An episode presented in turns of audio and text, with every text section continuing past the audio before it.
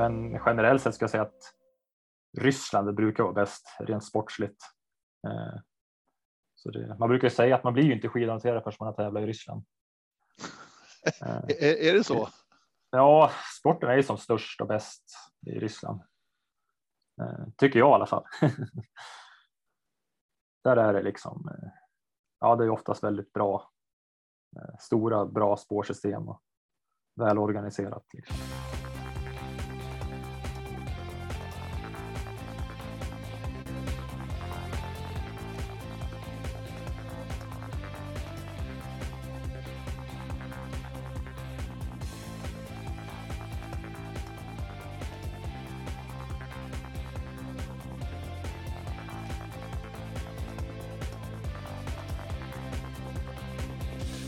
Hallå där och mycket varmt välkomna till ett nytt avsnitt av eh, O-ringen-podden som vi nu mer heter. Det här är avsnitt 165. Eh, förra avsnittet pratade vi Marcus Jansson och mountainbike-orientering. Nu skiftar vi från eh, sommaraktiviteter till vinteraktiviteter för att nu ska det handla om skidorientering ganska mycket. För att säga hej och välkommen till dagens gäst Martin Hammarberg. Hallå där Martin! Hejsan hejsan! Hur är läget? Det är alla tiders här uppe i Idrefjäll. Just det. Ni har ett eh, första läge nu i, uppe på Idrefjäll. Hur är förhållandena där då med snö och annat?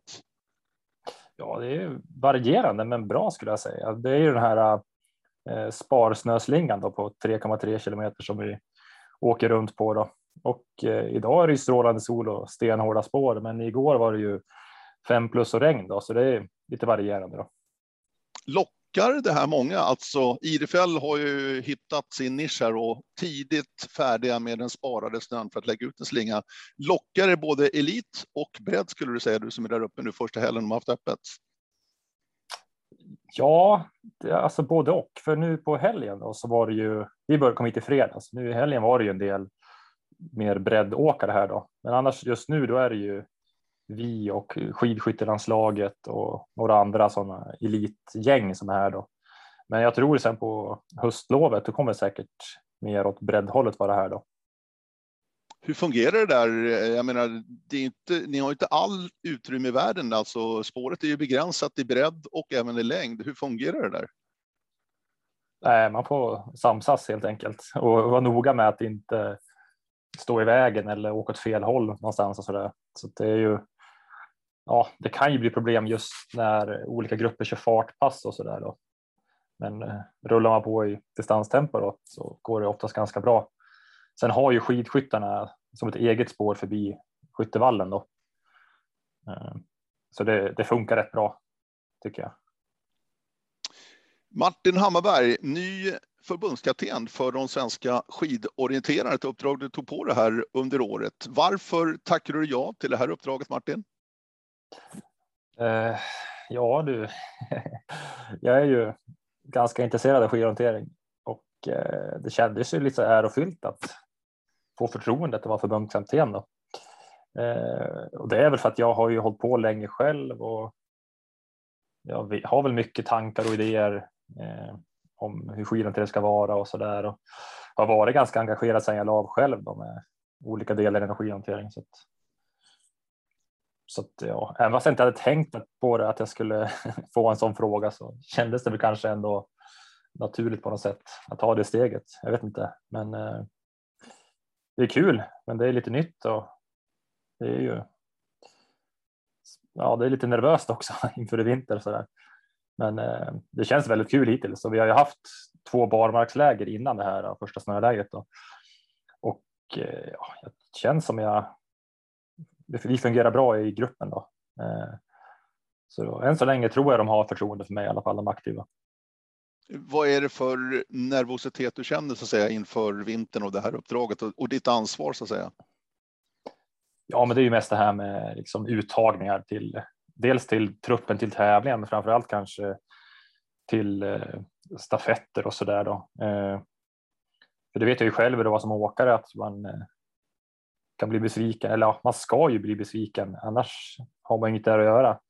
Eh, för alla vill ju vinna liksom, alla siktar högt. Eh, så det är, det är jag ju beredd på, men samtidigt tror jag man som aktiv vill eh, känna att man har en bra kommunikation och får bra motivering varför man eh, blir uttagen och varför man inte blir uttagen och så där. Så det tänker jag väldigt mycket på. Jag ska lösa den biten. Men det, det finns ju fler som har varit i den sitsen så att jag har ju pratat med ganska många om den där biten. Då. Och sen en annan grej är ju att eh, många av dem i landslaget har ju tävlat med själv och så där. Så att eh, då kanske ja, några tycker att jag har, det blir som en kompisrelation med vissa eh, och de andra har jag inte känt lika mycket från min egen karriär. Så där. Men jag tror att, eh, och det känns som att jag ska kunna lösa det där bra.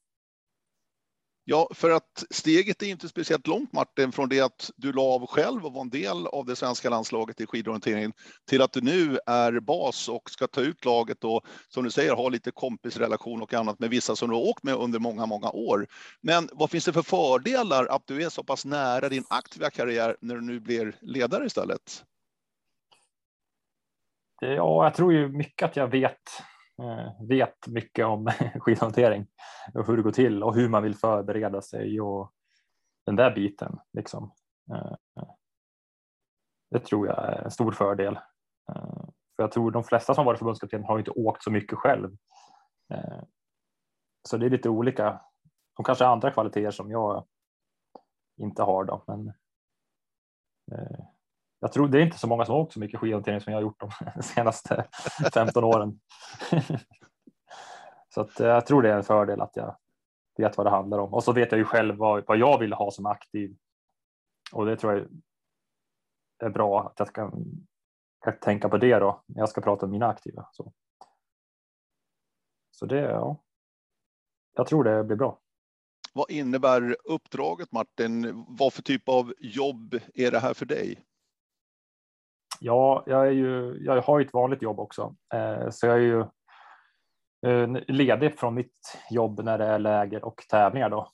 Eh, och sen lite andra saker gör jag ju på kvällstid och så där. Så jag får ju, ja i princip kan jag säga att jag får ju ersättning för den tiden jag är ledig från mitt vanliga jobb då. Eh, och så slutändan motsvarar väl det eh, sju, åtta veckor då, på ett år. Så att, mm. ja, det har ju flyt att jag har ett jobb så jag kan kombinera med det här i alla fall. ja, bra. men det är väl en förutsättning att skidhanteringen är ju ändå så pass liten om jag säger så inom citationstecken. Ja, precis. Det hade ju varit kul att göra det här på kanske 50 procent och jobba mitt vanliga jobb på 50 procent då kanske. Men eh, ja, nu har vi den här lösningen. Jag tycker det hittills funkar det bra, men det Får vi se då. Nej, det är ju, eh, säsongen har inte kört igång än så jag vet inte hur det blir då, då. men eh, jag ser fram emot det och det är ju eh, om inte min chef lyssnar så tycker jag det här jobbet är ju roligare än mitt vanliga jobb. ja, vi kan väl komma tillbaka till skidhanteringen och den kommande vintern och, och, lite annat och backa bandet lite och komma tillbaka till ditt jobb också. Men Martin från Sundsvall, va? ursprungligen? Jajamän, det var bra. Hittar du orienteringen, skidorienteringen snabbt i ditt liv? Ja, jag har väl alltid hållit på med orientering så där, men eh, skidorientering börjar egentligen ganska sent med, eller ja, det går på, för jag höll ju på att testa lite olika sporter. Alpint körde jag ett tag. Eh, sen så var det ju att eh, kompisarna i orientering, de åkte ju skidor och skidorientering på vintern så hängde jag på dem och började åka skidorientering också när jag var typ 14 ungefär då. Eh, och så gick det ju ganska bra eh, på USM och så där. Och så hade jag någon äldre kompis som gick eh, som sökte till skidgymnasiet i Mora och började där. Så gjorde jag också det då och kom in där. Så då var jag ju liksom. Då var jag ju skidorienterare då. så. Eh, så jag kommer ju inte från eh, längdhållet så som väldigt många gör då. Utan kommer ju mer från eh, orienteringshållet då kan man säga. Men det verkar ju. Jag verkar ha haft en fallenhet för att åka skidor ganska fort också. Mm. Men skidorienteringen, ursäkta, skidorienteringen har varit din prio så att säga. Barmarkssäsongen och orienteringen har varit en del i din träning och förberedelse inför vintern. Har det varit så hela tiden? Ja, fast jag var väl ett tag där att jag hade eh, jag hade väl lite mer ambitioner med orienteringen eh, som ung senior då. eh, att jag hade lite mer dubbelsatsning på något sätt då. För jag, därefter gymnasiet då, så då började jag ju, sökte jag mig till, efter lumpen sökte jag mig till Bålänge och skidhögskolan då, som de hade skidhantering också. Det heter ju DSA nu då. Eh, och det var ju för att det var ju där de, de flesta skidhanterarna var just då. då. Eh, och det var en bra, bra, var bra och är en bra träningsmiljö. Och det var ju främst för skidorienteringens skull då. Men då så sprang jag ju helt okej okay på orientering också. Och sen vart jag ju, bytte jag ju till eh, Malungs OK då där när jag var typ 22-23 någon gång. Och då eh, hade jag ju lite ambitioner med orienteringen också. Eh, framförallt på stafettsidan och det tycker jag ju fortfarande är väldigt roligt att springa de här stora stafetterna. Även om jag nu inte springer i första lag då, men eh, det gjorde jag ju då. och då hade jag ju som sagt lite ambitioner även individuellt och så där och gjorde väl några hyfsade resultat och så där. Men sen blev det ju att skidhantering var ju nummer ett och då på något sätt kände jag att jag var tvungen att välja då. Eh, och sen så hade jag lite problem med ja, att få till balansen mellan vad man skulle träna så det vart det kanske lite för mycket och fick lite skador med så jag inte kunde springa ordentligt och så där. Eh, som många roterare får då. Eh, så då gick jag väl över kanske vid runt 2011 kanske. Då var det väl i princip eh, egentligen nästan bara skidhantering och typ stora tvätterna på orientering. Då. Vad har du för sköna minnen från eh, Jukkola och Timila, de, de två verkligen stora där Malungs OK och Skogsmålarna har ju alltid eh, och de senaste decennierna haft ambitioner verkligen inför både Timila och Jukkola. Martin, vad har du för sköna minnen? Ja, det finns ju otroligt många såklart, men jag kommer ihåg det var ju stort för mig eh, första gången jag sprang 10 mila för eh, eh, Malungs OK där i eh, 2006, där i Hallsberg. Va? Ja, eh, så då sprang jag ju sträcka sju tror jag och så fick jag ju liksom. Det var ju Bernt Björsgård som växlade ut mig liksom i. Jag tror jag sprang ut typ som nummer tio och höll mig kvar i den klungan. Så det var ju liksom.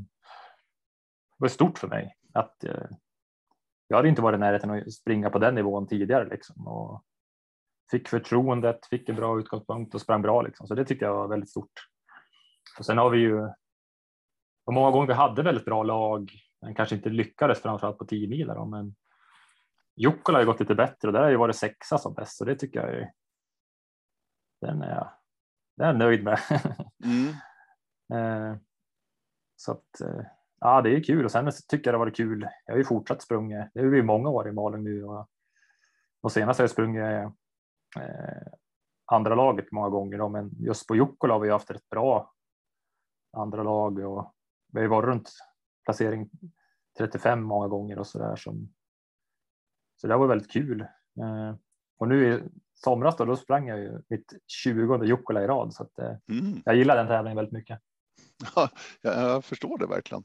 Eh, du, vi backar tillbaka till 2006 där när Bernt Björnsgård, då, en duktig norrman som sprang för Malung, där växlade ut till dig. Vad hände med dig där som, som löpare, som eh, människa liksom? När du får den här chansen att gå ut väldigt, väldigt bra i stafetten, växer du någonstans också? Att prestationen så att säga, blir egentligen bättre än vad du hade gjort om haft en individuell start den här dagen? Ja, det tror jag. Men det känns så att jag gillar ju att ha lite press på mig. Den här skräckblandade förtjusningen liksom. Då tror jag blir lite mer skärpt så. Eh, för så är det ju oftast på, tycker det är ganska stor skillnad när jag tävlat själv i Eh, om man jämför skidorientering och vanlig orientering för att eh, ofta är det viktigare tävlingar på skidorienteringen än vad det är på orienteringen och då blir man inte lika skärpt tycker jag. Så att, eh, och samma sak när man springer stafett, man har ju lite mer press på sig att göra det bra och eh, individuellt har man kanske inte riktigt den på samma sätt. Eh, så att, jag vet inte, det är därför jag gillar stafett tror jag. För att, eh, det är som en speciell känsla springa stafett. Ja, men så är det ju. Man är ju, man är ju en del av ett lag ändå, så att säga. Det är inte bara upp till en själv, utan det gäller att alla lyckas för att man ska lyckas som lag. Det är väldigt intressant det där tycker jag. Mm, och sen tror jag att jag är lite mer av en stafettlöpare också. Jag gillar att springa med folk omkring mig och jag tror jag blir bättre av det. Eh, så. Så jag, jag, tycker det är väldigt kul fortfarande. Men nu är jag inte så stark längre, men eh, jag försöker i alla fall försöka hänga med hyfsat bra. Men du väl ute och kör nu också på Pidefjäll? Menar jag. Du står inte bara vid sidan av spåret och tittar på? Nej, jag har kört några varv också, men eh, det blir mest coaching och vi fokuserar mycket på att hitta känslan på snö och köra mycket skidteknik och så där. Så att. Oh, jag, nog tränar jag en del själv ändå, men mm. inte som förr. Nej, Eh, det där med skidteknik, då, det ska vi komma tillbaka till för att det är väldigt speciellt när det kommer till skidorientering. Du sa ju det, du har ju ett, eh, du måste ha ett vanligt jobb också. Du kan liksom inte vara heltid förbundskapten i skidorientering. Vad jobbar du med Martin? Ja, eh, jag är ju grafisk formgivare på ett företag som heter EdShape AB. Och vi har ju O-ringen som kund, så vi gör ganska mycket jobb åt O-ringen. Bland annat nu har vi precis gjort ett nytt nummer av O-ringen-tidningen till exempel. Eh, och det har vi jobbat med ganska mycket, O-ringen genom åren. Men vi kan komma tillbaka till det kanske, för att jag gör lite andra saker på jobbet också, för vi har ju vi är ju grafiska formgivare. Det är som en liten reklambyrå, men mm. vi säljer ju pannlampor på en webbshop. Och sen har vi ett klädmärke, Science Sweden, eh, orienteringsklubbkläder. Då. Så det är ju som tre ben där då. Men, eh, men det, ursprungligen är jag ju grafisk formgivare då. Så att, eh, det är ju det min titel är kan man väl säga då. Ja, hur hittar du dit då? För att du har utbildat dig till det, men du måste ha haft det från början. Du har någon ådra så att säga, någon, någon konstnärlig ådra någonstans eller? Ja, det har jag väl. Men det var faktiskt egentligen var det ju eh, anledningen till att jag sökte mig till Borlänge var ju framför allt eh, skidhögskolan då, eh, träningsmiljön. Men sen har jag, jag har alltid varit intresserad av lite, liksom, jag har ju suttit och lekt med hemsidor och Photoshop och sådana grejer innan Eh, ja, när jag gick på liksom högstadiet så också eh, och gymnasiet med för den delen. Och sen eh, då tyckte jag att den passade väldigt bra den grafiska utbildningen i Borlänge. Då. Eh, så då, det var ett ganska enkelt val att börja plugga det tyckte jag. Mm. Du var inne på O-ringar, vi, vi, kan stoppa det innan vi kommer in på lite mer skidorienteringsnörderi här framöver. Men du var väl en del av O-ringens fasta organisation där under några år? Visst var det det? Ja, det stämmer bra. För det, ja, det började egentligen med att eh, när O-ringen var i Sälen 2008. Eh, för jag var ju egentligen klar med utbildningen, min utbildning 2007 då. Och då gjorde jag mitt exjobb och det var att göra en redesign på O-ringen-tidningen då. Eh, och sen så var det ju att det var ju Jimmy Bredin var ju generalsekreterare där för eh, O-ringen i Sälen 2008. Eh, och då började jag jobba lite grann åt eh, O-ringen Sälen med att göra lite så här programtidningar och sådana där grejer. Så jag jobbade, hade en 40 tjänst där ett tag. Eh, åt, det var åt O-ringen Sälen kan man säga då, det projektet eh, gjorde sådana saker. Och sen efter det så då var det ju Mark Baljör som var chef på O-ringen. Så då jobbade lite med han på hans reklambyrå han hade då. Så gjorde vi ju Eh, då gjorde vi om O-ringens logotyp och grafiska profil eh, då. då. Eh, och sen egentligen så ja, då blev det inte mer för O-ringen den gången, för då hade jag ett annat jobb sedan ett tag. Men sen 2011 så kom jag tillbaka till O-ringen och blev eh, eh, grafisk formgivare åt O-ringens fasta organisation. Då. Och då var ju Mark Baljö kvar som chef. Då. Och där jobbade jag ju eh, inte heltid, för jag satsade då, så då jobbade jag någonstans mellan 50 och 70 procent då, eh, för att ha tid att träna och tävla och så där. Då. Och jag jobbade där då från 2011 fram till och med O-ringen i Borås då, eh, 2015. Så det var, det var kul. O-ringen är kul tävling och det är roligt att vara både roligt att springa och roligt att jobba med. Ja, på vilket sätt då? Vad, vad är det som är kul liksom, att jobba med O-ringen? Nej, men det är som ett stort arrangemang och det händer mycket. Och det är ju bland det största inom orientering. Liksom. Eh, så så det, jag vet inte, jag gillar ju arrangemang också. det är kul att arrangera. De har vi liksom, det är vi bra på i orientering. Att vi ju, liksom, ofta, de flesta klubbarna är ju alla alla åldrar och alla nivåer med på något sätt i något arrangemang någon gång. Så vi, vi lär oss ju det kontinuerligt under våra, vårt orienteringsliv. Att man ska mm. någon gång hjälpa till att arrangera också. Mm. Så jag, ja, jag tycker det är väldigt kul så. Eh, och sen är det kul, alltså O-ring är så stort. Det är kul att veta hur det går till bakom kulisserna liksom. När sprang du ditt första O-ringen, minns du det? Ja, 93. Halland. 93 i Halland? Jajamän. Då var inte du så Då gammal, jag... du var ju 10 bast va? Ja, precis. Jag har ju varit med. Jag börjar bli gammal. då, då sprang jag inte klass, då sprang jag sån här, jag vet inte vad det hette då. Jag sprang ju sån här man fick bli skuggad om man ville då, fast det mm. jag, blev jag inte. och det sprang jag bara två etapper tror jag. Eh, fastnade i leran kommer jag ihåg. Eh, det var ju väldigt lerigt någon etapp där.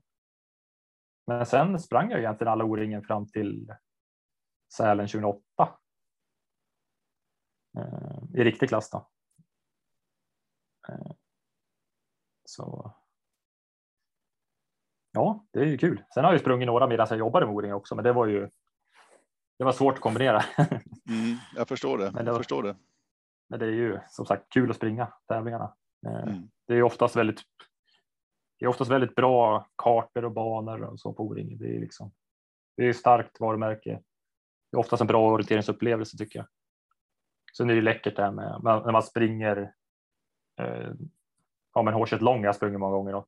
och sen i år när man springer de längsta banorna att längst bort på banan är det inte så mycket folk och sen så närmast mål är det hur mycket folk som helst. Så det känns lite speciellt. Man helt plötsligt är själv i skogen och helt plötsligt är man absolut inte själv i skogen.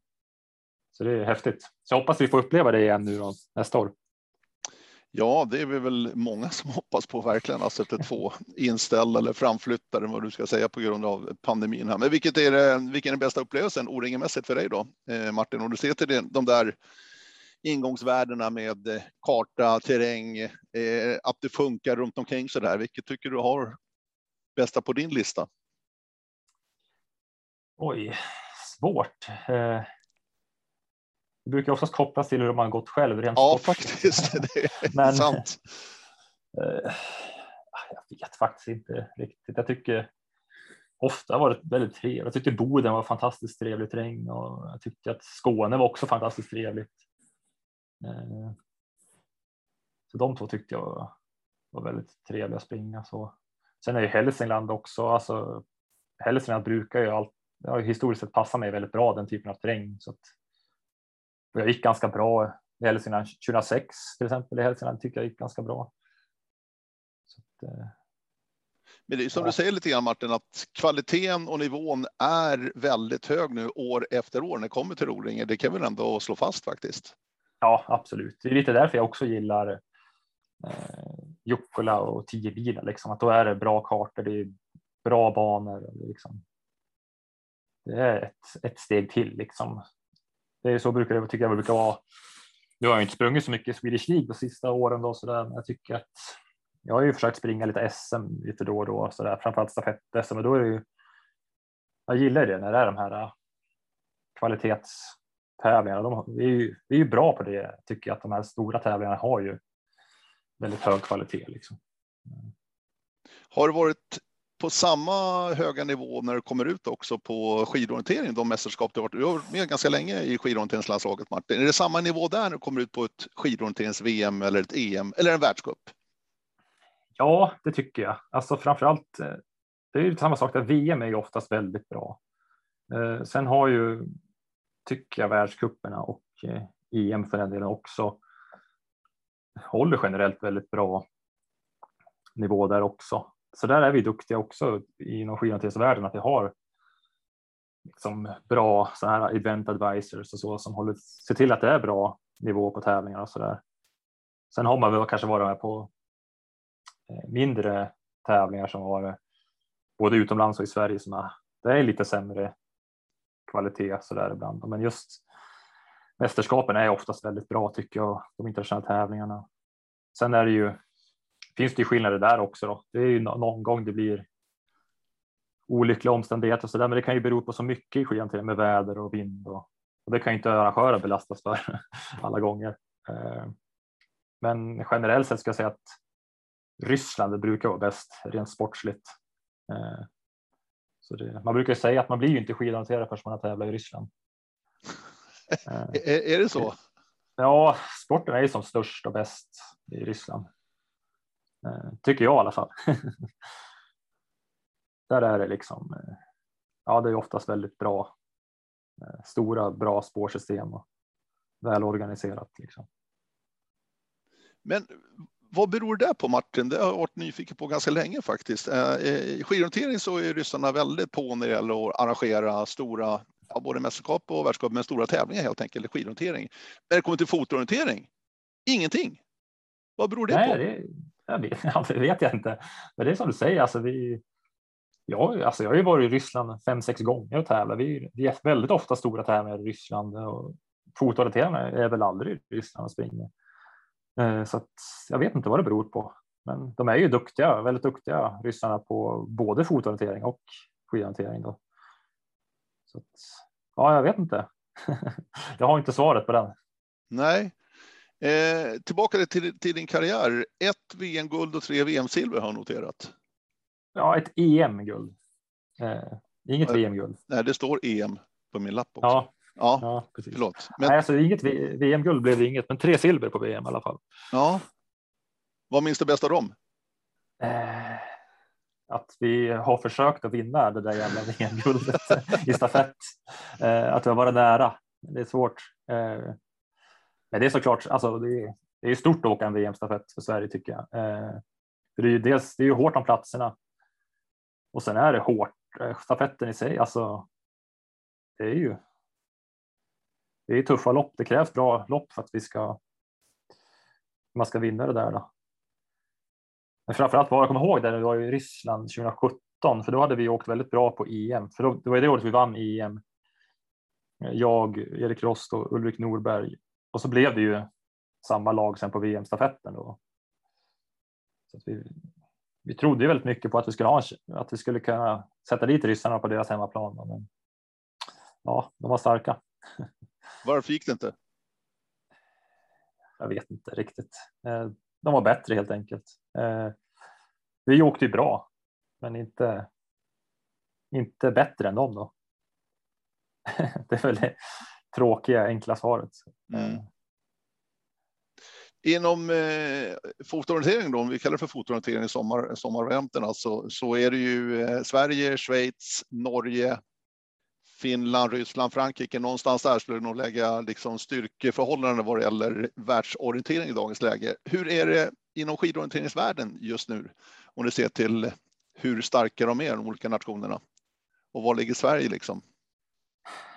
Ja, alltså Ryssland är ju generellt eh, väldigt starka, väldigt ofta på skidhantering, både på dam och herrsidan. Så de är liksom alltid med i matchen och var de bästa. Men just nu skulle jag säga att vårt svenska damlag är otroligt starkt. Eh, det var ju som Lisa Larsen, regerande världsmästare. Det var ju tre tjejer som tog individuell medalj på VM sist förra året. Det är väldigt starkt. Så tjejerna är bra. Sen är ju Finland både bra på dam och herrsidan. Norska herrarna är väldigt bra just nu. De har ju några un ganska unga, väldigt starka killar sådär. Sen finns det några så enstaka från eh, Schweiz och Bulgarien och så där som är väldigt bra. Eh, svenska herrarna är inte dåliga för den delen heller, ska vi inte glömma bort. Men där har det varit lite generationsskifte på slutet då. Några av de starkaste har lagt av. Eh, så att, men jag tycker det, det finns bra potential i svenska herrarna också då. Men det är väl någonstans där, de, de länderna som är starka och bra då. Eh, eller starka och bästa. Mm. Men... Ja, Erik Rost har ju hållit eh, fanan väldigt högt för svensk eh, skidorientering på här sidan och Tova Alexandersson eh, var ju fenomenal även skidorienteringsmässigt innan hon då skiftade fokus och la ner skidorienteringen. Men vad har de där två betytt för svensk skidorientering i, i nutid så att säga? Väldigt mycket tror jag. För att det, det är bra att ha någon i laget som är så pass bra så att man vet att liksom nivån ligger på eh, på träningar och så där och även svenska tävlingar och så där. Så det, det, tror jag. Det är därför jag tror damlaget är så starkt att de har ju tävlat mot Tove och nu när inte Tove med så det är ju, då tar ju de, tar ju de liksom. Då går de i hennes fotspår och levererar resultaten liksom. Så att det tror jag. Det skapar ju liksom en bra prestationsmiljö eller vad man ska säga. När man vet man har ju trygghet i vad man vet att vad som gäller. Då. Att, eh, ja, hänger man med dem så vet man att man borde hänga med högt upp i toppen då, så att säga. Mm. så att jag tror fortfarande herrarna vet vilken nivå som gäller. och de vet väl att de har varit nära Erik och även Marcus Lund som la av nu efter förra säsongen har ju tagit en del fina eh, medaljer och så där. Så att, eh, ja, jag hoppas det är någon ny som tar steget nu i vinter då, både på dam och här sidan. Finns de förutsättningarna tycker du kunna se det? Eh, ja, det tycker jag. Alltså. Det känns som att som jag har ju ganska bra koll på åkarna. Jag tycker många som utvecklas. Eh, att, och många har ju varit med ganska länge fast de är ganska unga tycker jag. Och sen finns det ju som eh, Jonathan Ståhl i första års senior nu. Han vann ju allt på JVM i fjol. Sånt är ju intressant.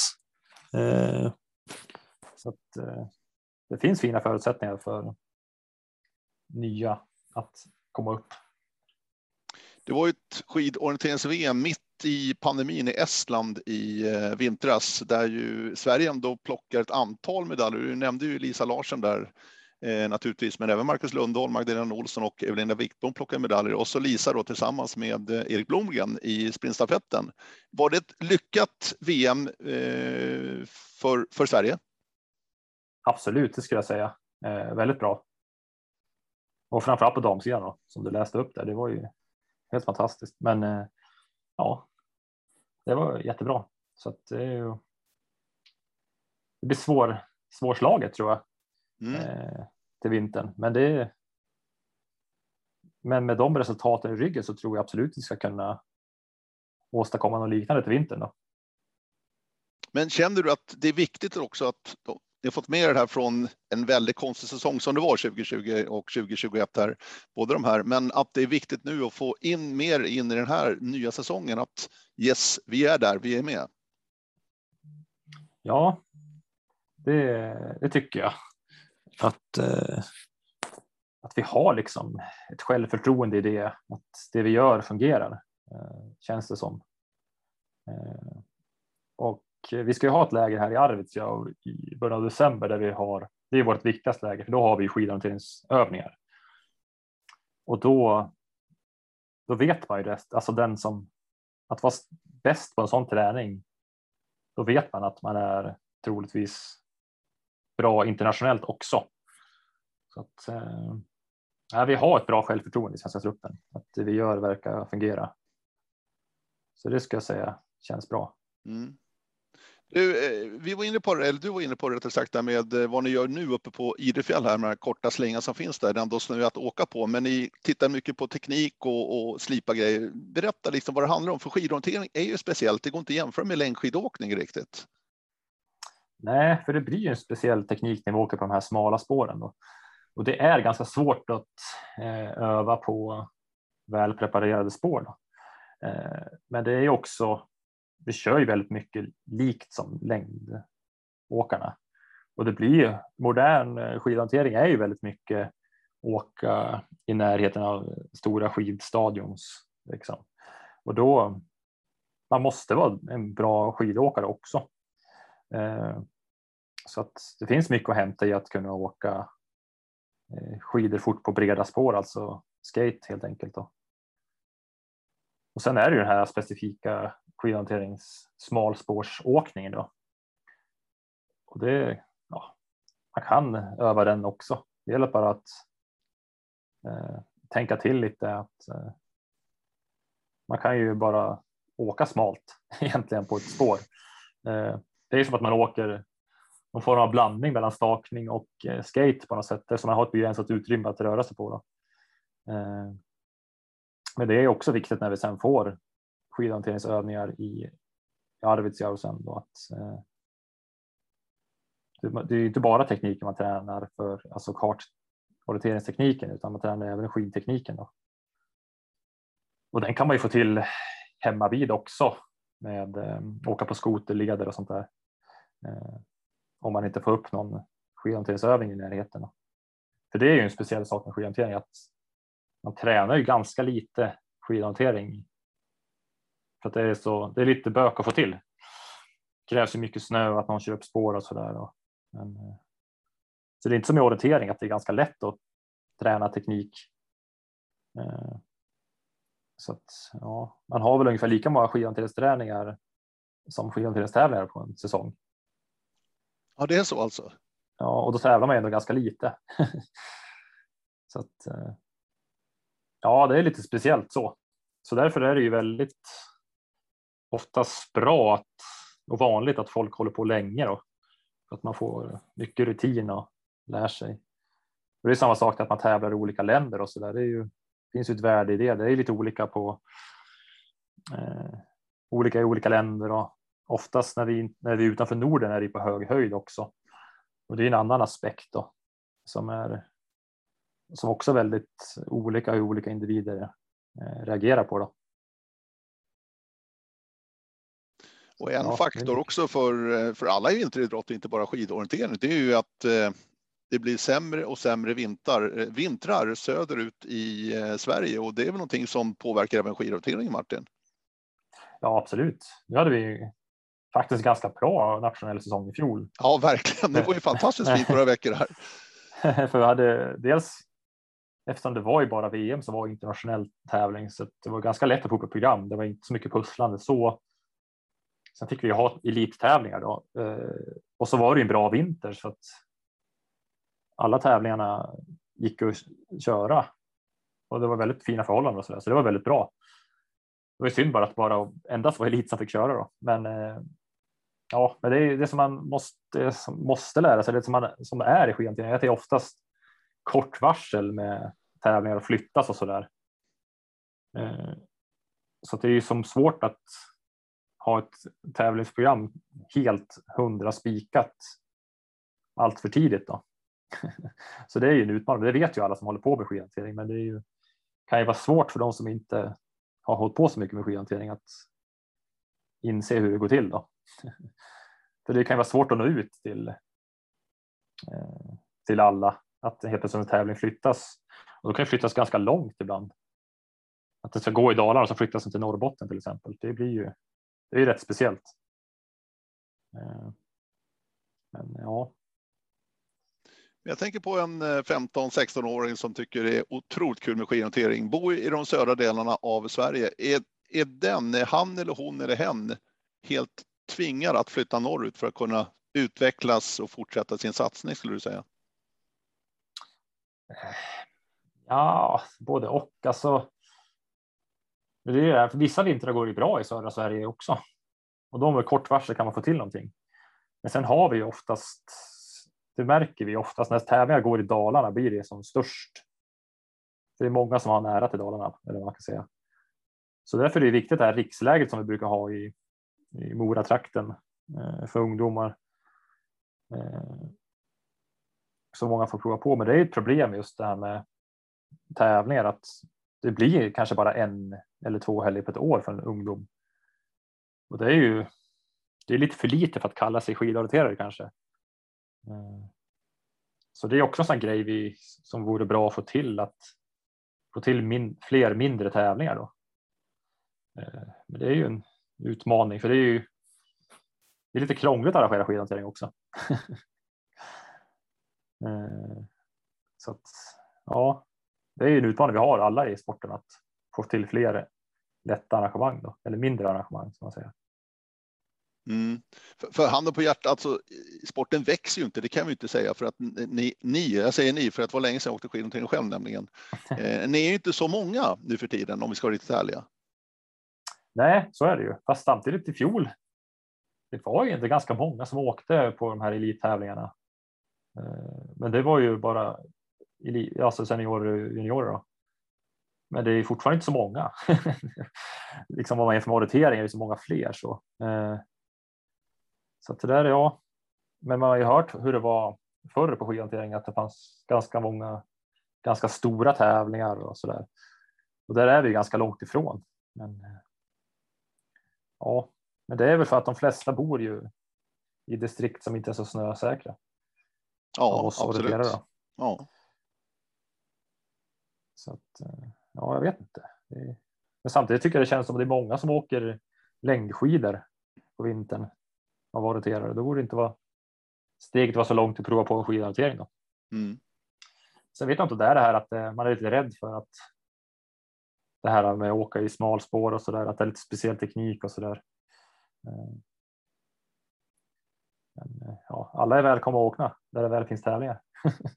Jo, jo, jo. Nej, men det är många som gillar det, men det, det, är, det är ju väldigt få tävlingar, framförallt från södra delen av Sverige, i och med att snön lyser oftast tyvärr med sin frånvaro. Så, så enkelt är det nog på det svaret. Jag tänkte på en annan sak eh, när det gäller material och annat, eh, Martin, om du jämför med längdskidåkning och skidorientering. Vad, vilken är den tydligaste skillnaden skulle du säga, eller vad det gäller material och annat?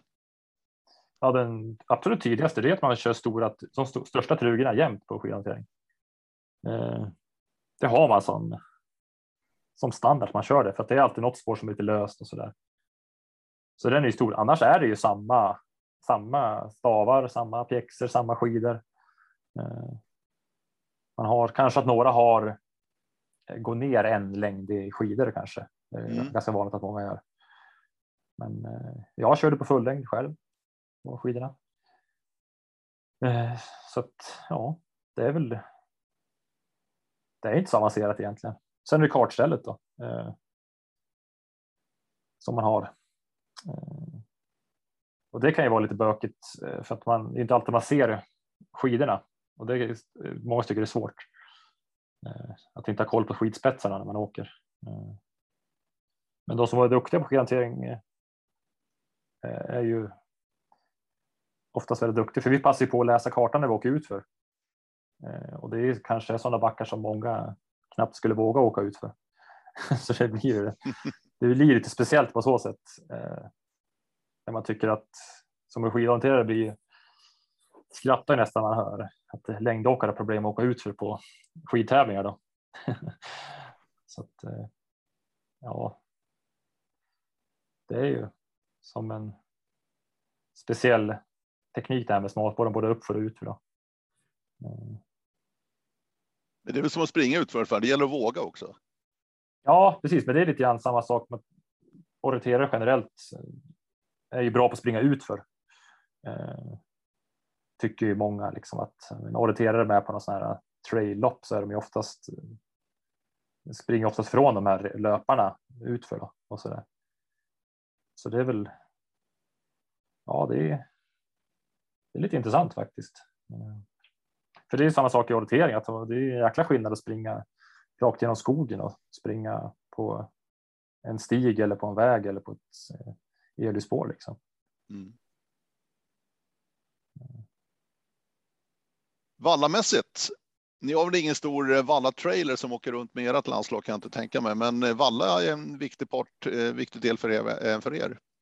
Ja, absolut, det är det ju. Vi har ju, vi har ju alltid med oss på internationella tävlingar, vallare och så, men jag tror i våran sport så måste den aktiva ha ett större ansvar över sin skidpark mm. än man har i till exempel längd och skidskytte. Då. Så det är lite speciellt. Då. Men eh, ja, men det är ju så funkar det i andra länder också. Men i vissa andra länder då vallar de aktiva skidorna själva och så där. Eh, och så gör ju våra på svenska tävlingar. De flesta vallar ju sina skidor själv då eller någon förälder med och så där. Eh, så det är ju det är inte riktigt lika som längd då, men samtidigt tror jag det är bra att man har lite koll på sin egen utrustning också. Och sen är nästa parameter nu det här med fluorförbud och så där då mm. framöver. För vi, vi följer ju eh, FIS och IBU då med, med reglerna kring fluor då. Eh, som i vinter är det ju C8 fluor är förbjudet att använda då. För det får man inte ens, ja, du kan ju inte köpa det för det är förbjudet att tillverka och sälja och använda. Men eh, det finns ju kvar i folks eh, eh, vallalådor så att säga. Så det där är ju ett bekymmer vi har inom all skidsport just nu då. Och det är lite svårt eftersom det inte finns någon bra och billig mätmetod att kontrollera det där. Det är inte alltid lätt att veta av vad som innehåller vad av de produkter man redan har och så där. Så att eh, ja, det är speciellt det där.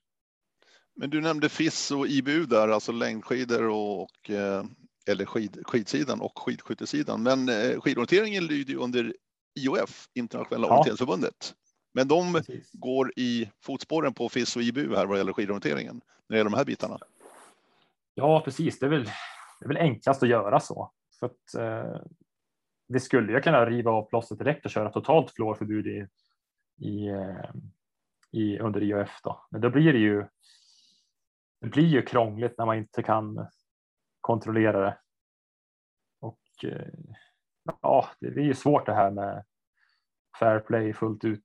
Eh, för just som det är nu det här lilla steget att man bara förbjuder en typ av fluor, det, det kommer ju inte märkas så mycket om någon skulle fuska då eftersom det är ungefär de är likvärdiga produkterna så. Men om man jämför totalt fluorförbud mot fluorprodukter då är det jättestor skillnad i hur det går så att eh, ja, jag vet inte, men samtidigt så vi kommer ju komma till totalt fluorförbud eh, ganska snart. Det är inte många år bort tror jag. Det är, jag tror bara det är bara bara, men när man får till en vettig, billig, enkel lösning att kunna testa det där. Så när den eh, tas fram så då blir fluor förbjudet helt och hållet. Mm. Men det, det är så skillnad alltså? Ja, alltså på fluor och icke fluor. Än så länge ja. är det så stor skillnad. Ja. Det är väl ingen som kör på. Om man kan välja så är det ingen som kör fluorfritt. Det går bättre med fluor. Mm. Eh, sen är ju frågan om eh, övriga kemikalier är så nyttiga heller. Då, men det är ju ah, det är ju speciellt det där tycker jag. Men det är väl väldigt bra att man tar bort skadliga ämnen både för naturen och för de som jobbar med eh, produkterna. Mm. Men det där är ju en stor del av eh, skididrotten idag och då inrymmer jag samtliga skididrottare, just det här med materialsidan och vallasidan.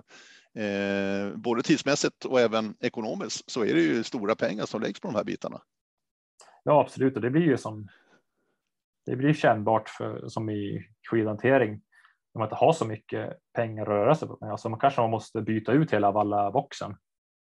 Det blir, det blir kostsamt. Eh, och sen nu då, då kanske man byter ut till produkter som eh, som man kommer att ha kvar av något år när de inte blir tillåtna att använda så att säga. Så att, ja, det är ju väldigt speciellt. Eh, det där faktiskt. Mm. Du, nu tittar vi framåt vintern här. Vad, vad väntar för eh, de bästa skidhanterarna här i landet, Martin? Vad har ni, vad har ni att se fram emot? Ja, vi har ju framförallt VM i, i Kemi i Finland i mitten av mars. Det är väl det största som händer. Men sen har vi även ett EM i Bulgarien i slutet av januari då, som går på höjd 1600 meter. Eh, och sen skulle vi haft en första världscupomgång i början av januari i Österrike, men den har blivit inställd. Så där är det just nu lite oklart då om eh, det blir en ersättningsarrangör. Varför ställdes den in? Är det covid-19 eller? Det är lite oklart tycker jag. jag har inte fått någon riktigt bra förklaring varför det ställs in. Men jag, en eh, kvalificerad gissning är väl att det på något sätt har att göra med covid-19 tänker jag. Eh, så att det där är lite, ja det är tråkigt för det, man vill ju tävla. Det är därför man håller på. Eh, och internationellt framför allt vill man ju tävla. Eh, så det är synd, men vi får se då. Då blir det här återigen med kort varsel vart det kan tänkas bli. Vad får du för möjligheter i det här läget att plocka ut ett lag till EM till exempel om, om du inte har den här världscuprundan i början av januari då? Vad, vad, kan du gå på då? Är det förra säsongens resultat eller hur funkar det? Ja, alltså vi ska ju ha lite tävlingar. Vi ska tävla i Finland i början av december faktiskt, eh, men det blir ju. Det är ju ganska tidigt på säsongen, så det är ju observationstävlingar för seniorerna och sen så till om de datumen skulle vara eh, första världscupomgången har vi planerat att ha tävlingar i Sverige istället då som ligger till grund för uttagning till eh, EM sen då. Så på så sätt skulle det ju funka ganska smidigt för mig. då har jag mycket att ta ut på. Men skulle det bli en skulle det återgå till att det blir en världscup där tidigt i januari, då är det ju gäller det att hitta något tillfälle att ha någon uttagningstävling i eh, december där helgen före jul till exempel och då är det ju. Då är det ju svårt att hitta snö eh, och arrangörer eh, som vill tänkas arrangera där. Så det blir en utmaning då framöver, så det har vi att pussla med lite grann. Eh, det har vi, så det är ju. Ja. det blir jobbigt om vi inte har några tävlingar och jag ska ta ut ett lag. Då, då blir det ju ofrånkomligt att gå på gamla resultat. Mm. Så det är ju. Ja, jag hoppas vi får till några tävlingar innan. Men VM i eh, Kemi då som du säger i Finland på mitten mars, det, det är det absolut stora målet här under vintern för, för skidorienterarna. Ja, absolut, det är det. Sen tror jag ju de flesta vill åka bra på EM också. Men det är väl VM är ju det största. Så det är det vi. Det vi siktar mot. Nästa. Spännande ska det bli. Och du nämnde Jonathan Ståhl där som alltså sopade rent på JVM förra vintern. Det är ju fantastiskt att få fram en riktigt stor skidorienteringstalang där. Nu kliver han upp och blir senior den här vintern. Ja. Klarar han steget tror du? För det är ett ganska stort steg att ta det där.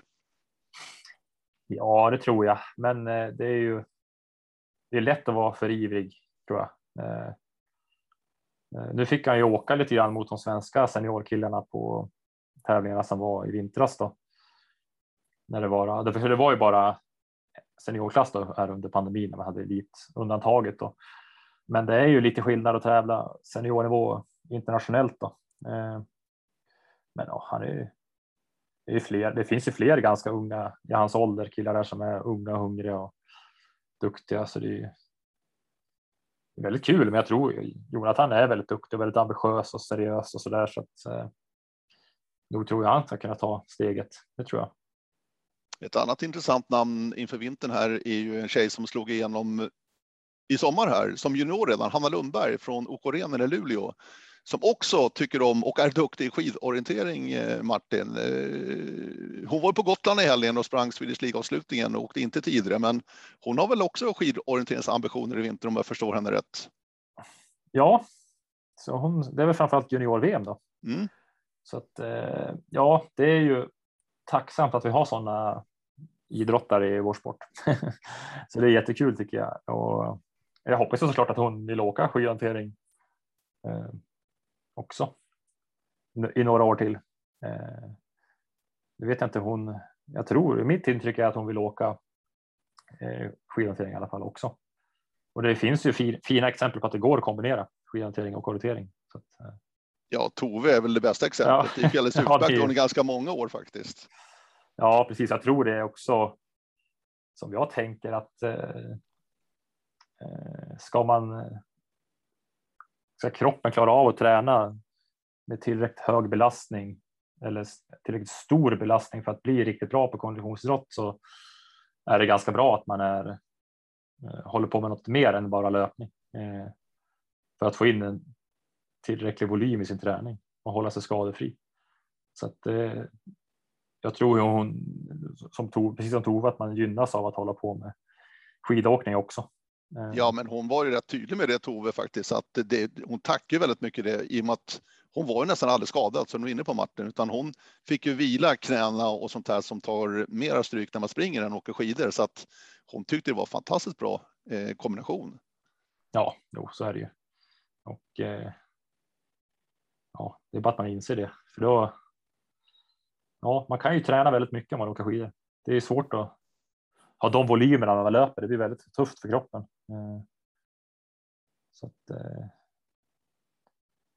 ja, det tror jag är klokt att hålla på med dubbelt. Sen är det ju nästa annan viktig grej är ju att tävla internationellt. Eh, om man gör det både på vintern och sommaren får man ju mer rutin snabbare så att säga. Man lär sig väldigt mycket av att tävla internationellt. Och det är ju just den, det mentala liksom i samband med tävling är ju väldigt lika oavsett vilken sport man håller på med egentligen. Eh, sådär. Så jag tror det är väldigt värdefullt att hålla på med båda. Mm. Om man pallar det då. För det är ju det också. Man ska ju hitta balansen mellan de två också. Att, eh, ja, det är kul att se vad som händer med Hanna framöver. Ja, det ska bli väldigt spännande att följa er i vinter här, skidorienteringsgänget alltså. Martin Hammarberg har varit min gäst idag. Jag tänkte eh, avslutningsvis bara Martin, du som vill arrangera. Eh, vi borde ju ha ett O-ringen på vintern också med skidorientering. Ja, precis. Det har vi ju. Jag har ju diskuterat det förut med, när jag jobbade på O-ringen så där. Men eh, ja, det hade varit jäkligt läckert att få till. Men då är det så här. Jag tror det är svårt att ha ett fast datum. Mm eftersom det internationella styr så pass mycket.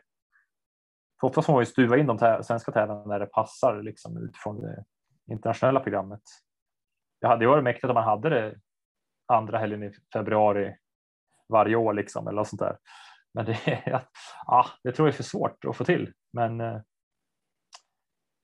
det hade varit skitläckert att köra fem dagar, fem etapper skidhantering. Ja, ja, du får titta på det tycker jag Martin faktiskt. Ja, jag ska göra det. Men eh, ja, det är en fin vision i alla fall. Ja, ja, ja, ja. Nej, men visioner ska man ha, det tycker jag absolut. Du Martin Hammarberg, eh, stort lycka till i ditt uppdrag. Mm, tack så mycket. Inför vintern och eh, vi ska följa de svenska skidorienterarna då med stor tillförsikt här under vintern. Tack för att ni har lyssnat idag. Hör gärna av er, radio oringen.se. Den brevlådan är alltid öppen. Vi säger tack för idag, på återhörande. Hej då!